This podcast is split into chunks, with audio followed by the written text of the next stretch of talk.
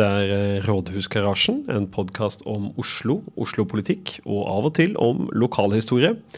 Og denne gangen så er det skikkelig lokalhistoriebonanza, for jeg har eh, fått med meg byantikvar Janne Hvilberg til en prat om eh, gamle bygg, om det er lov å snakke om stygt og pent, og ikke minst om hvor gammel Oslo egentlig er.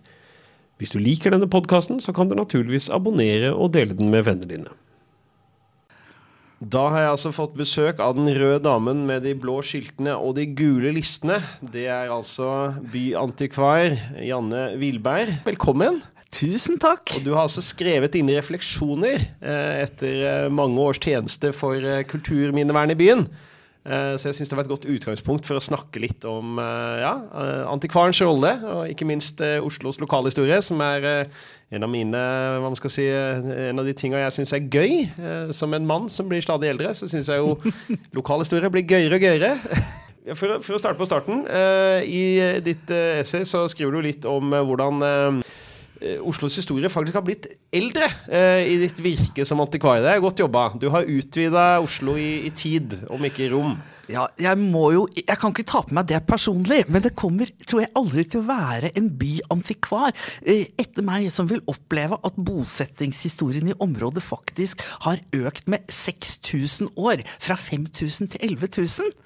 Slå den, sier nå jeg. Jeg syns vi skal sette måltall, sånn at nestemann Da legger vi Oslos historie skal øke med minst 40% for hvert åremål. Og så får vi se om de klarer å grave opp noen skikkelig gamle greier. Men eh, Minn meg på nå, hvor var det vi fant disse eh, litt eldre artefaktene fra Oslos eldre historie? Vi hadde jo en skikkelig opptakt da vi drev undersøkelser i forbindelse med Skulpturparken på Ekeberg. Da oppdaget vi jo det at strandlinjen eh, til, på Ekeberg, den hadde gått ved Ekeberg-restauranten. Og, og, det kan du gjøre i framtida igjen også, hvis vi fortsetter med klimaendringer. Men, ja, eh, ja, jeg håper at jeg slipper å oppleve akkurat det. Men altså, da eh, gikk det fra 5000 år til 6000 år. Men hvis du går litt lenger lenger ned i, i veien nedenfor den mest kjente helleristningen, eh, eller bergkunsten som det nå heter, eh, eh nedenfor sjømannsskolen. Der gikk det da altså eh, vannlinjen for 5000 år siden. Og da på Gjersrud Stensrud, som jo er et av de jomfruelige utviklingsområdene i Oslo, så oppdaget vi faktisk at der hadde det vært mye menneskelig virksomhet for 11 000 år siden. Eh, og det er altså på den tiden da istiden var slutt og isen trakk seg tilbake. Eh, så, eh, så, dette er jo egentlig oppsiktsvekkende nytt da, som kom frem i den perioden her. Det er jo en, eh, som sagt en eh, nudge eh, i, i, i beltet for Byantikvaren å utvide Oslos historie. Ehm, men du skrev jo litt om hvordan Byantikvarens rolle har utvikla seg. Kanskje fra å være veldig fokusert på de små enkelthusene, altså enkeltbygg som skal vernes. Det er jo det de fleste tenker på som Byantikvarens jobb til å kanskje utvikle seg mer mot at hele byutviklinga er svære. Skal du utvikle et helt område, så er Byantikvaren kobla på til å liksom se hvordan historien skal tas med i det. Jeg vet ikke om du vil utbrodere litt? Eh, jo da, eh, Byantikvaren ble etablert i 1956, og hovedoppgaven var å ta seg av kommunens kulturhistoriske eiendommer og drive med saksbehandling i, i forhold til det. Så vi var eiendomsforvalter. Eh, eh, også så skjer det jo mye etter hvert hvor, man, hvor kulturminnevernet får et bredere nedslagsfelt. Og etter hvert så slutter man på 80-90-tallet å være eiendomsforvalter, og så blir det en ren byråkratgjerning, kan man, eh, kan man si.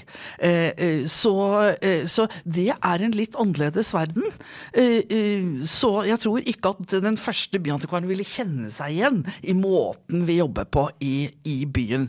Men vi, det er jo ikke sånn at by, altså bevaring, antikvarens hverdag handler om glassklokkebevaring. Heldigvis så bruker ikke folk det begrepet lenger. Det gjorde de da jeg begynte. Man setter en glassklokke over byen, og her skal det ikke skje noe mer. Eh, men det er en litt mer organisk affære? Eh, ja, det er jo vern og utvikling. Og som jeg pleier å si, det er jo ingen som kommer over dørstokken til byantikvaren som ikke vil gjøre noe med bygningen eller med eiendommen sin. Så, så, vi er jo vi, altså vi er med i alle viktige, store prosesser.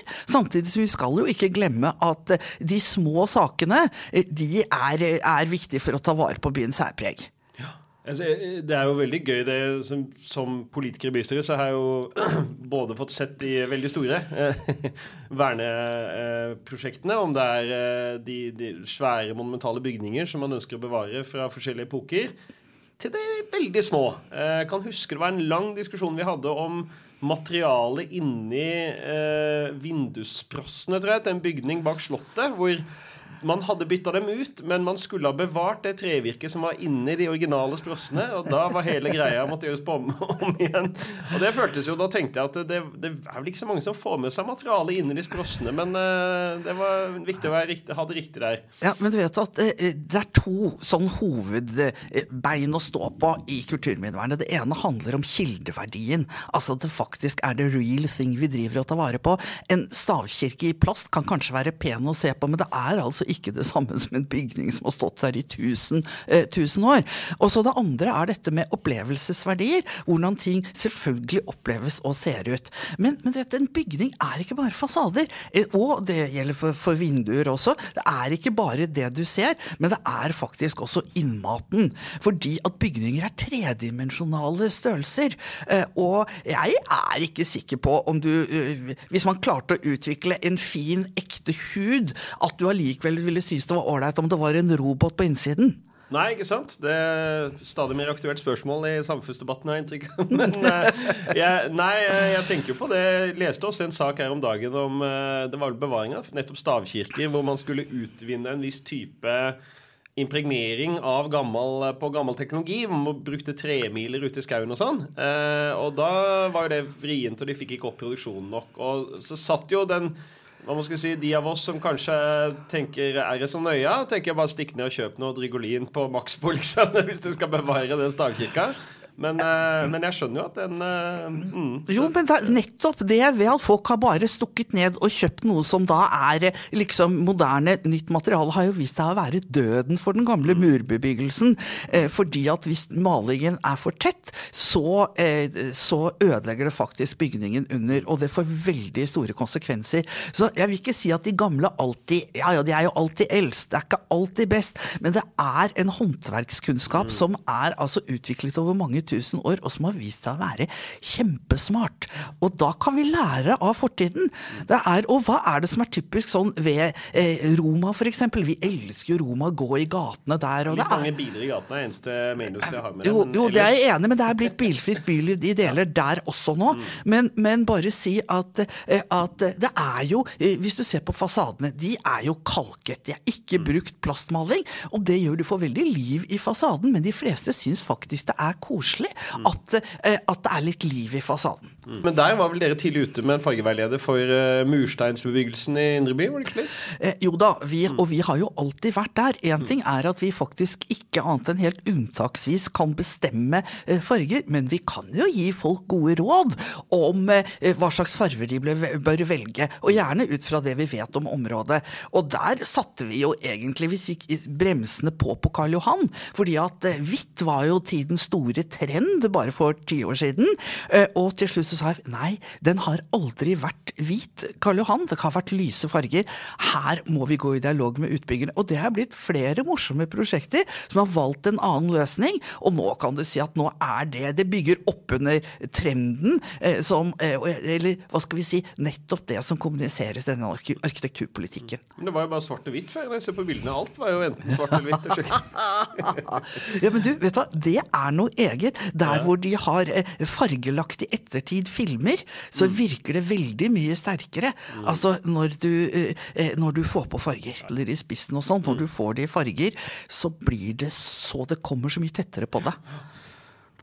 Fra, det, fra farger og vindusbrås si, til litt mer de eh, store grepa i, i, byen. For der eh, snakker du jo litt om kanskje byantikvaren som en sånn eh, ja, verne enkeltbygg til å gå i dialog med både kommune og utbyggere. og der kommer du vel inn på i den teksten din litt om hvordan man klarer å få en slags konstruktiv dialog, da at man uh, kanskje fra et tidlig tidspunkt blir enige om hva som skal tas vare på? Jeg vet ikke om du vil ja. Jo, og det er en av de tingene hvor vi har endret oss relativt eh, radikalt. Eh, for det sier de som jobbet i, i, hos Biantikvaren før jeg kom, at man mottok ferdige saker. Man mente tommelen opp eller ned, og stemplet dem ut. Mm. Og sånn jobber vi ikke lenger. Det har med endringer i plan- og bygningsloven å gjøre, men det handler også om at det rett og slett blir mye bedre prosesser. Vi har det morsommere på på jobben òg, hvis vi kommer tidlig i kontakt med eierne. Og det har faktisk skjedd. Så vi sier ikke bruk fem millioner på å planlegge, men kom, snakk med oss om hva dere tenker, hør på. Eh, eh, ja, altså, eh, hva er viktig for antikvarisk myndighet? Og så skal vi på den andre siden spørre hva er viktig for dere? Og ut av det har vi fått veldig mange gode prosjekter. Ja, nå, nå, leste jeg en Donald-historie for dattera mi på hytta her i romjula. og Da var det sånn Det var snakk om at noen skulle bygge ut noe der hvor Donald bodde. og det skulle rive huset hans. og så endte det jo opp med at Donald egentlig ville få huset revet, for han fikk beskjed av ordføreren om man skulle få et nytt og fint hus. da, Men Ole Loffen de fant noen antikvariske verdier på tomta, og da ble hele veien stoppa.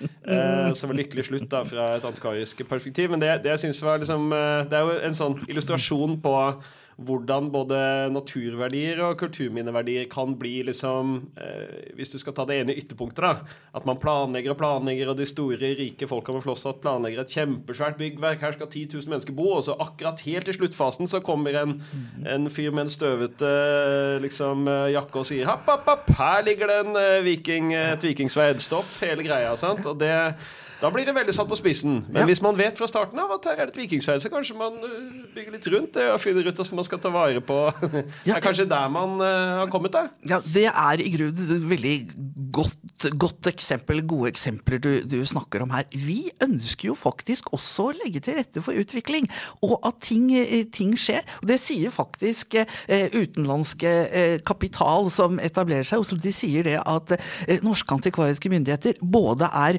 ubyråkratiske byråkratiske eh, og løsningsorientert. Eh, og det er også noe som har skjedd. Det er også initiert av Riksantikvaren at vi i større grad skal imøtekomme eierne. Eh, og, og fordi byen trenger utvikling. At noen vil, at noen vil være der. Jeg, jeg, tenker på Jeg syns jo ikke det Jeg har bodd f.eks. i Kvernbyen i mange år. Og jeg ser jo at den kunne vært utvikla på bedre måter også. Det var før min tid i politikken i Oslo. Men det som er litt artig, er jo å vite at du går gjennom en av de, et, et av de stedene hvor det har vært mest tungindustri i Norge. Og så ser du at det står noen møllehjul rundt deg, og så har de satt opp, og så står den gamle verkstedhallen der, eh, ikke sant, som er blitt bevart. Og så ser du spora. av det. Er ikke sånn at man har utsletta alt, og så har man bare bygd opp uh, Her kommer liksom den nye tid oppå. Uh, akkurat det liker jeg. Ja. ja. men hadde det vært nå, faktisk, mm. fordi mm. alle disse prosessene tar jo lang tid, så hadde vi kanskje tenkt at vi skal ta vare på mer mm. av de gamle bygningene og ombruke dem. Og det er ikke nødvendigvis sånn at de er bevaringsverdig for å fortjene ombruk. Og det har jeg lyst til å faktisk berømme byrådet for. I forhold til da man lanserte et nytt utkast til kulturmiljølov, så sto jo fungerende byråd eh, Rasmus Reinvang frem og sa at heretter skal vi rive mindre, vi skal ombruke mer. Mm. Det, det, har jeg inntrykk er tidens melodi veldig mange steder. og Da kommer vi jo for så vidt rett over på et annet tema som jeg syns er spennende, som er liksom kulturmiljøvern, som det nå har blitt hetende, som nettopp miljøvern. Da. Eh, det at man eh, ser både klimaregnskapet og ressursregnskapet, og selvfølgelig også kulturminneverdiene. Også i å bevare bygninger som ja, la oss si strengt tatt en, en vanlig fyr på gata ville ikke sagt at det der er verneverdig. Men ut fra en helhetsvurdering så kan man si at det blir mye grønnere og mer miljøvennlig hvis man tar vare på den gamle betongstrukturen som står der, da, istedenfor å rive og bygge nytt. ikke sant? Ja, Vi er et av få land i verden hvor kulturminnevernet ikke ligger under Kulturdepartementet, men under Miljødepartementet. Nå heter det jo Klima- og, og Miljødepartementet. Og bakgrunnen for det var det at man så på at kulturmiljø ikke bare handler om bygg, det handler også om arealer og sammenhengen mellom bygninger. Så derfor bestemte man seg, etter at man hadde etablert eh, Miljøverndepartementet som fylte 50 år i fjor, for å ta inn kulturminnevernet eh, også. Og det tror jeg var en riktig beslutning. Eh, fordi at eh, arealbruk og bevaring, de to tingene, de går veldig hånd i hånd. Mm. Eh, nå kan vi jo komme til det poenget som jeg tisa litt tidligere, nemlig den der, hva man skal si, politikken i, i, i faget, da, eh, som du er inne på at eh, På den ene sida kan man jo si at Bjørntegården er en ren sånn faglig instans som skal komme med faglige råd om at dette er verneverdig. Og så er det jo selvfølgelig en stort innslag av smak og behag her. Altså, som du kommer litt inn på, at uh, daværende byantikvar uh, på slutten av 80-tallet, vel, tidlig 90-tall, var det sånn utenkelig å verne et moderne, altså modernistisk bygg. Eller drabantbyene, f.eks. De var absolutt ikke verneverdige, men uh, en gammel sveitservilla er nødvendigvis det, liksom. Uh, og der kom jo smaken og behaget inn i det hele, da. Ja, det handler ikke om smak og behag. Det at vi har fått en mye større bredde i hva som er verneverdig nå enn før, det er på sett og vis både et mangfolds- og et demokratisk prosjekt. Men det er, for kulturhistorie, det er veldig viktig, og kanskje litt underspilt, men det har fått stor vekt de siste, siste årene. Men hvis vi sier at bygninger som mer enn halvparten av byens befolkning bor i drabantbyer eller eh, relativt nybygde strøk, og si at nei, det betyr ingenting, ja da har vi jo tapt, da. For vår oppgave er jo å ta vare på de gode og de typiske tingene fra alle perioder. Og knyttet til alle lag av befolkningen. Husk, kulturminnevernet startet jo med stavkirker og, eh, og vikingskip, og så ble det embetsmannsgårder, og så festninger og store offentlige anlegg. Og så kom man etter hvert til husmannsplassene og til den bredden vi har nå. Og jeg har jo lyst til å si at på vår liste over fredningsverdige eh, objekter, altså som vi skal ta særlig vare på, så er faktisk Forretningspassasjen eh, under Grønland T-banestasjon, den er oppført. Det syns jeg er veldig artig. Det er jo den når du går opp fra banen og så skal du opp på Grønland Torg, så, du, så er det sånne kiosker og jeg håper å si, diverse småforretninger gjennom der. Og det, det, ser man jo i mange andre byer. Jeg har lagt merke til Moskva har masse av det sånn, men i Oslo er vel det det eneste av sitt slag. Og det er altså verneverdig. Grønland er jo ikke bare et sted med mange eh, nye, eh, nye, landsmenn, men det er også et sted som tilbyr mangfold, morsomme opplevelser, stoffutvalg, grønnsaker og sånn, hvor folk liker å reise til Grønland. Så dette er på en måte mottaksstedet for alle som har lyst til å uh, utfordre horisonten sin litt litt da i byen. Nei, det det er helt enig. Du, du, trekker fram noen andre sånne bygninger som er eh, hva man skal si, de fleste kanskje ikke ville tenkt på eh, som verneverdige. Du har jo da den eh, eh store kaffebygget på, på Filipstad. Eh, alle som kjører inn til byen, kan jo se Det er vel eh, det er vel Ali Kaffe-skiltet på, på sida. og så har du Økernblokka, da, som nå har blitt til et kunstverk midlertidig. Uh, og denne brutalistiske betonghotellet uh, litt nedafor deg. Uh, Hotell 33. Hotel 33. Ja, ja altså i, i, Disse tingene de hadde jo lang planleggingshorisont, de, de, fleste av dem. Og da dette kom opp, da var altså ikke tiden moden for oss til å ta den store vernekampen om det, selv om vi så at dette var veldig gode eksempler fra sin tid. Veldig typisk, og fremfor alt var de landemerker i bydelen sin. Da er det utrolig eh, gledelig å se at dette har snudd. Og det beste eksempelet er jo Kaffetårnet på Filipstad. Eh, for der var det jo politikerne. Dere vedtok jo eh, at eh, man skulle søke å bevare det. Og det var selv om ikke vi hadde ført det på gul liste. Og da tenker jeg, da har det skjedd noe vesentlig. Det er å anerkjenne at arkitekturuttrykk fra eh, alle epoker er, er viktig. Men det sier jo også noe om at vi i større grad, det står i den eh, kultur kulturmiljømeldingen som snart kommer til politisk behandling òg, så står det at vi må ta vare på mer av det, eh, det historiske i et strøk. Ikke minst der hvor det skal være stor endring. Mm. Ja, det, jeg tror det at man klarer å kjenne igjen byen sånn halvveis fra, fra årtier til årtier. Dette er jo en by som er i vanvittig utvikling og har vært i en god stund. Så det at det går an å kjenne igjen hvor Olsenmannen kjører når du ser de gamle filmene, det kan ha en verdi, det òg. Ja, ikke de herlige? Eh, ja. Fra byutviklingsperspektiv utrolig gøy. Eh, ikke minst.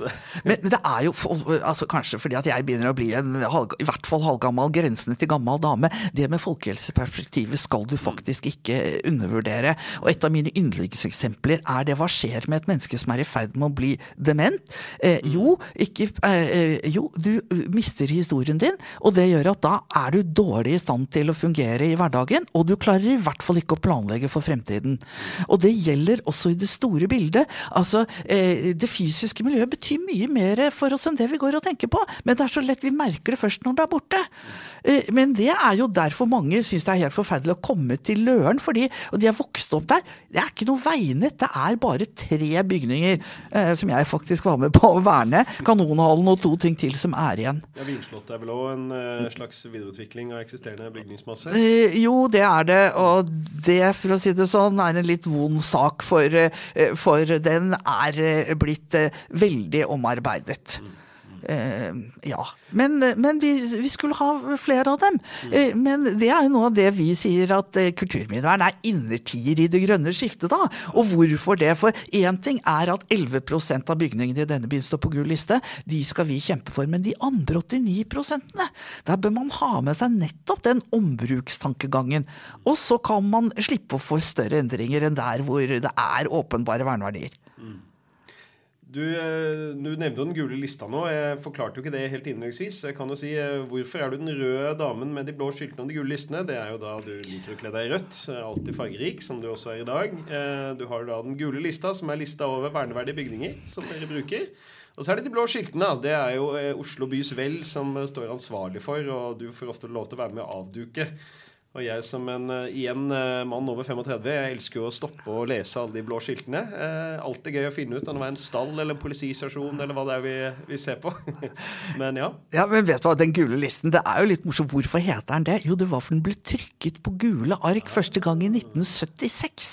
Eh, akkurat, akkurat den. Men det er det viktigste arbeidsredskapet som vi har. For det er bare en tredjedel av bygningen som står der som er formelt vernet. Mm. Og mens vi Dette handler jo om at dere som er politikere, og de som skal planlegge, faktisk vet at det knytter seg noe verneverdig til bygningene.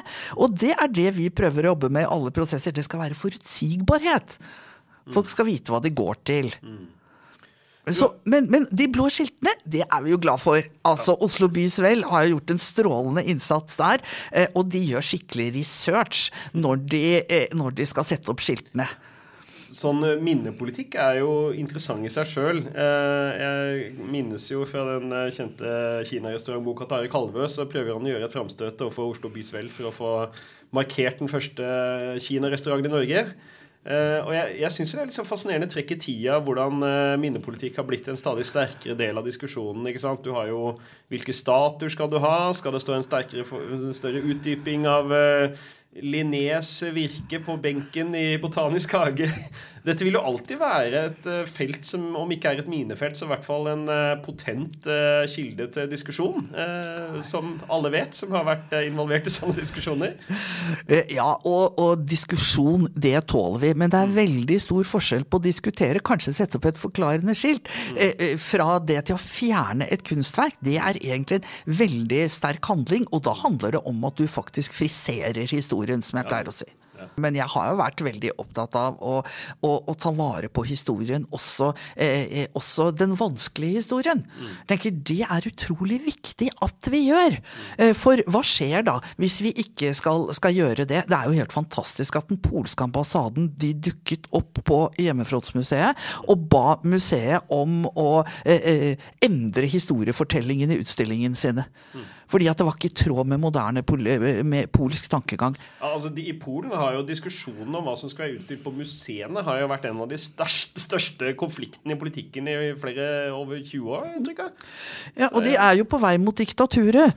Og det skal, har jeg i hvert fall forsøkt fra min lille posisjon å si at vi skal være veldig varsomme eh, ved å, å fjerne deler av historien.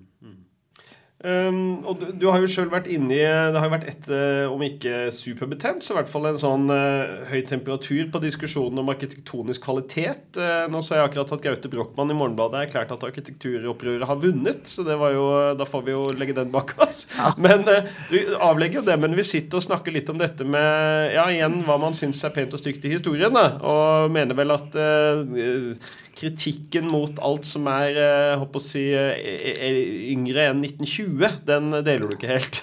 Nei da, jeg gjør ikke det. Og jeg er ikke enig med Gaute Brochmann heller. Altså, og så har jeg lyst til å si at eh, eh her, og det er ikke bare jeg som sier det, får nok arkitekturopprøret litt vel mye kred i forhold til noen gode eksempler. For der er jo vi andre, bl.a. Byantikvaren, som har stått veldig på for tilpasning til omkringliggende eh, arkitektur. På den annen side så er det jo veldig mange av de tingene som arkitekturopprøret har gjort seg til talsmann for, som jeg deler. Mer mangfold, vakrere materialer eh, osv. Men byantikvaren kan aldri være der at vi, eh, vi setter en grense opp i tid eh, for hva som er, er interessant. Jeg, jeg, husker jeg ble jo litt fornærma helt i starten når de gjør seg gjeldende på Instagram og sånn, for da var det ofte sånn De Vi hadde dette, men nå har vi fått dette. De gjorde dette til dette. Og så var det som halvparten av eksemplene eksemplene var fra sånn 1954 og 62. Og så var det sånn Jeg kan jo ikke ta ansvar for at noen sanerte en uh, gammel bygård i 1962, liksom. Det her er jo en mannsalder siden. Men jeg, jeg skjønner jo poenget. Men det, det var jo akkurat som at alt som liksom har skjedd siden krigen da, basically var uh, på en måte gærent og en del av det samme. Og det kan man vel uh, Det blir vel kanskje litt unyansert. Men jeg får invitere dem hit å forsvare seg etter hvert. Uh. Men, men, hvis du snakker om det som irriterer meg, er mm. denne bruken av klassisk arkitektur. Det er rett og slett et tullebegrep. Det, og særlig for oss som er fagfolk. Vi, har, vi vet hva klassisk arkitektur er, vi vet hva nyklassisisme er, vi vet hva ny nyklassisisme er. Så skal jeg ikke gå mer inn, inn på det. Men derimot så syns jeg det er er interessant at vi nå kan begynne å snakke om stygt og pent. Det har jo vært fifi. Det skulle ikke vi gjøre, altså vi som var profesjonelle. Men jeg tror det er vår oppgave da, som byråkrater, å oversette. Hvis noen sier at dette er så stygt, da må vi ha mm. guts nok og kunnskaper til å si ja, jeg er enig med deg, men eh, er, hvorfor er det stygt? Så må vi forklare. Jo, det er proporsjoner som bryter med omgivelsene, det er dårlig materialbruk, det er eh, kjedelig. Mm. Altså det, jeg, jeg, har også tenkt på det at det er en veldig sånn rar uh, når, når, man prøver å utdefinere ord som stygt og pent, som absolutt alle tror jeg egentlig har en intuitiv følelse av, ja. uh, så ser du noe som du syns er veldig stygt, og som de aller fleste syns er stygt, og så kommer noen liksom litt med nesa i sky og sier at det går ikke an å si. Da blir jeg litt sånn Ja, men herregud, det, det må da være mulig. Akkurat som diskusjoner om uh, Når det er sånn de snakker bare om fasader, så tenker jeg jo, jo, men fasader er nå det vi ser når vi går forbi. Hva skulle en snakke om, liksom?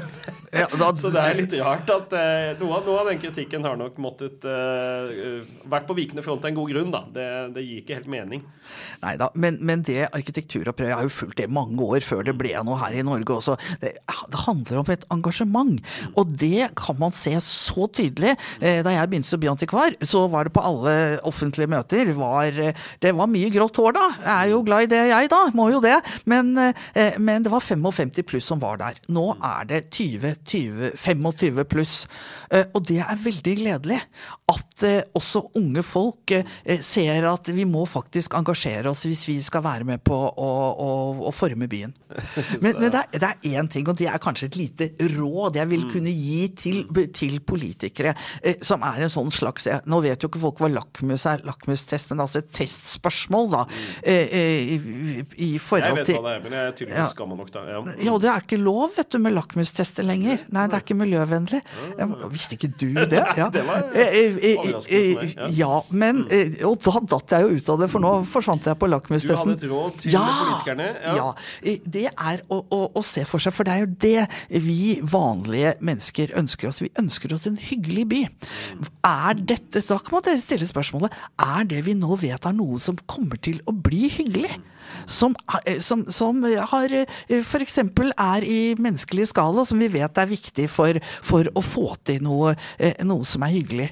Det er, eh, er Og der tror jeg det er noe å lære. Mm. Ja, ja der, der, har vi jo eh, Du kommer jo med en eh, det, Du har jo flagga ganske høyt også skepsis til uh, både høyder og volumer i bygninger. Altså Bl.a. det at vi nå skal behandle en ny høyhusstrategi, som da kan åpne for noe høyere hus på knutepunkter i byen. Uh, og der har jo du tona tydelig flagg, at du er skeptisk til det. Uh, og, og, der vil jeg jo si at der har du den ekspansive. du Byantikvaren har jo utvida Oslos historie, så har utvida seg i tid, men, mm -hmm. men også i, i um, hva man skal si, Ansvarsområdet har jo da utvikla seg ikke bare fra å være enkeltbygninger, men med byens karakter, et nabolags stemning. Som du sier, er det hyggelig her? Det er jo en mer abstrakt ting å verne, men der, mm. det har dere kasta dere inn i. Jo, men også men landskapet. Mm. Altså det med at Oslo ligger i en skå, du kan nesten mm. se på det som et amfiteater, så er det klart det at eh, med veldig høye hus eh, nede rundt Oslo S, eh, mm. så er det jo som om eh, folk som sitter i orkesteret har reist, og så sitter de andre igjen bak. Mm. Når det er sagt, så er jo vi i Byantikvaren som etat opptatt av å være lojale mot beslutningen om høyere hus. Ja. Så vi, som jeg pleier å si, flesker til med et alternativ på 84 meter, eh, mens normen er 42 meter. Eh, så, men det er forskjell på, på høyhus og høyhus, da. Og så vet du jo det at jo høyere husene blir, dess mer miljøverstinger er de. Til et visst punkt, Det er vel en slags knekkpunkt som plan- og bygningsetaten har identifisert der i sin utredning på Nå husker jeg ikke akkurat hvor mange meter, men dette skal vi gå i dybden på. Ja. Men det, det med skålformen er jo interessant, fordi at hvis man da eh, du kan si, Kommuneplanen sier jo da at uh, høye bygninger og fortetting bør skje rundt der hvor det er T-bane og tog og knutepunkt, som nødvendigvis er nede i byen. Da. Det er Skøyen, det er Oslo S.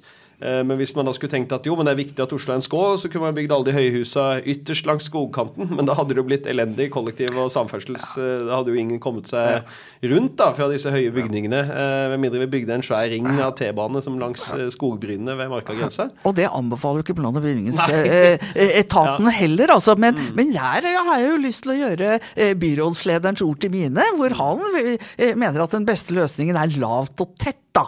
Eh, Så, så, eh, så, og det ligger jo ikke i høyhusutredningen at det skal være store mengder med høyhus, men jeg har bare lyst til å si at Byantikvaren metat etat er ikke mot høyhus, men det må være i sammenhenger hvor det er eh, formålstjenlig, f.eks. For nye, by, byrådsom, eh, eh, nye byutviklingsområder. Eh, Men, eh, men det er helt riktig, og det kan jeg jo etter hvert gå ut og gjøre noe litt mer med, at jeg personlig er mye mer kritisk til høyhus. Ja, med åremål går ut, da kommer kanonene ut. 16. mars, da er vi, da er vi, vi klar. Nei, men det er kanskje sånn ofte så eh, forbinder folk eh, etaten med personen, men det er jo faktisk ikke en sånn eh, eh, personlig enterprise vi snakker om. Altså. Vi er veldig glad for at vi kan få ha en så fri rolle til å være en ren fagetat, eh, fordi at der er det jo plan- og bygningsetaten eh, som har jobben med å balansere de ulike hensynene. Men det er veldig mange som ikke er klar over at vi er ikke bare den kommunale rådgiveren.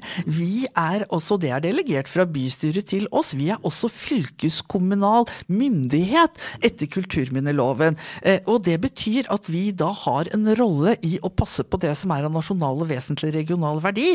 Vi kan ikke fremme innsigelse, for bukken kan ikke passe havresekken, altså Oslo kommune, men da må vi be Riksantikvaren om å, å tre inn. Og, og, og, og det gjør at vi har en mer formell vaktbikkjerolle også, ikke bare sånn å ut og, og, og uttale noe.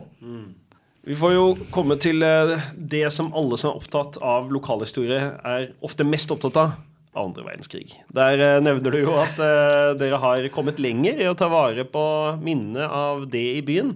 Jeg har jo sjøl i Sivilforsvaret så jeg har vært mye oppe på, på Grorud leir, der hvor det er noen gamle tyske brakker og sånn. Men vet, Kan du si litt mer om, om det arbeidet? Ja, vet du hva. Eh, Det ble, eh, det ble utløst av at vi så det kom en stor eh, vernekampsak. Ormesund leir som ligger på Nedre Bekkelaget, hvor vi visste at det var sterke utbyggingskrefter som ville rive det anlegget der. Og vi visste ikke noe om det. Og da satte vi i gang. Og det var jo en fordel at jeg kom fra arbeid med Forsvarets kulturminner, for det var det eneste som var gjort på området der. Og da Og så fikk, jeg med meg, og det var tilfeldig en som heter Øyvind Reisegg som holdt på med en bok, for jeg må nevne han.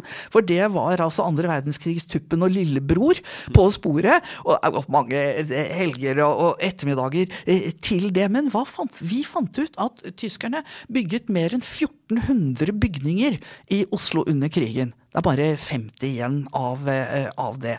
Eh, og massevis av stridsanlegg. Store deler av byen var jo stengt av, og det var eh, kanonbatterier og piggtrådsperringer, minefelt, ikke sant, på Ekeberg blant annet. Altså, det tyske nærværet var veldig sterkt, og vi har jo funnet ut at tyskerne var 100 steder flere enn det man visste om på forhånd. Men, men hva vant vi ved det? Jo, vi vant kunnskaper. Sånn at når den saken virkelig komme opp da med Ormsund leir, den viste seg å være den eneste gjenværende av 54 tyskerleirer i Oslo. Da hadde vi plutselig eh, argumenter for å, å eh, ta vare på det. Og det anlegget er faktisk i dag fredet, for det hadde vi Riksantikvaren med oss, eh, med oss på. Og det vi startet kjempestrategisk ved å gå til Fortidsminneforeningen og si at dette er en problematikk som gjelder på landsbasis. Kan dere skrive om det i Fortidsvern, som er landsdekkende blekke? Eh, og så skrev vi fem artikler der. Og også en om Ormsund, for vi visste at den ville komme. Så det er en av de tingene kanskje jeg er mest stolt over, er at vi klarte å rigge oss i tide, skaffe oss kunnskaper, sånn at vi kunne ta vare på noe av det som er de aller viktigste kulturminnene igjen fra krigen i Oslo. Alle menn 50 pluss som liker å sitte og lese bøker om andre verdenskrig. Og min kone, som også mentalt er en mann 50 pluss på dette området. Vi er jo takknemlige for dette. vi får beholde det. Men da tror jeg rett og slett vi kan gå litt inn for landing. Det var kjempegøy å snakke med deg, Janne. Jeg gruer meg da som lokalpolitiker til du er ferdig med åremålet ditt og skal fyre løs på alle andre ting som du har holdt tann for tunge på. Men syns du dette ble en frittalende sesjon allikevel? Ja, tusen takk for at jeg fikk lov til å, å være med her. Det er jo som å altså putte 50 øre på meg, det kan være litt, litt farlig. Men samtidig så syns jeg det er litt fint at folk kanskje har fått vite litt mer om hva er det egentlig Byantikvaren holder på med.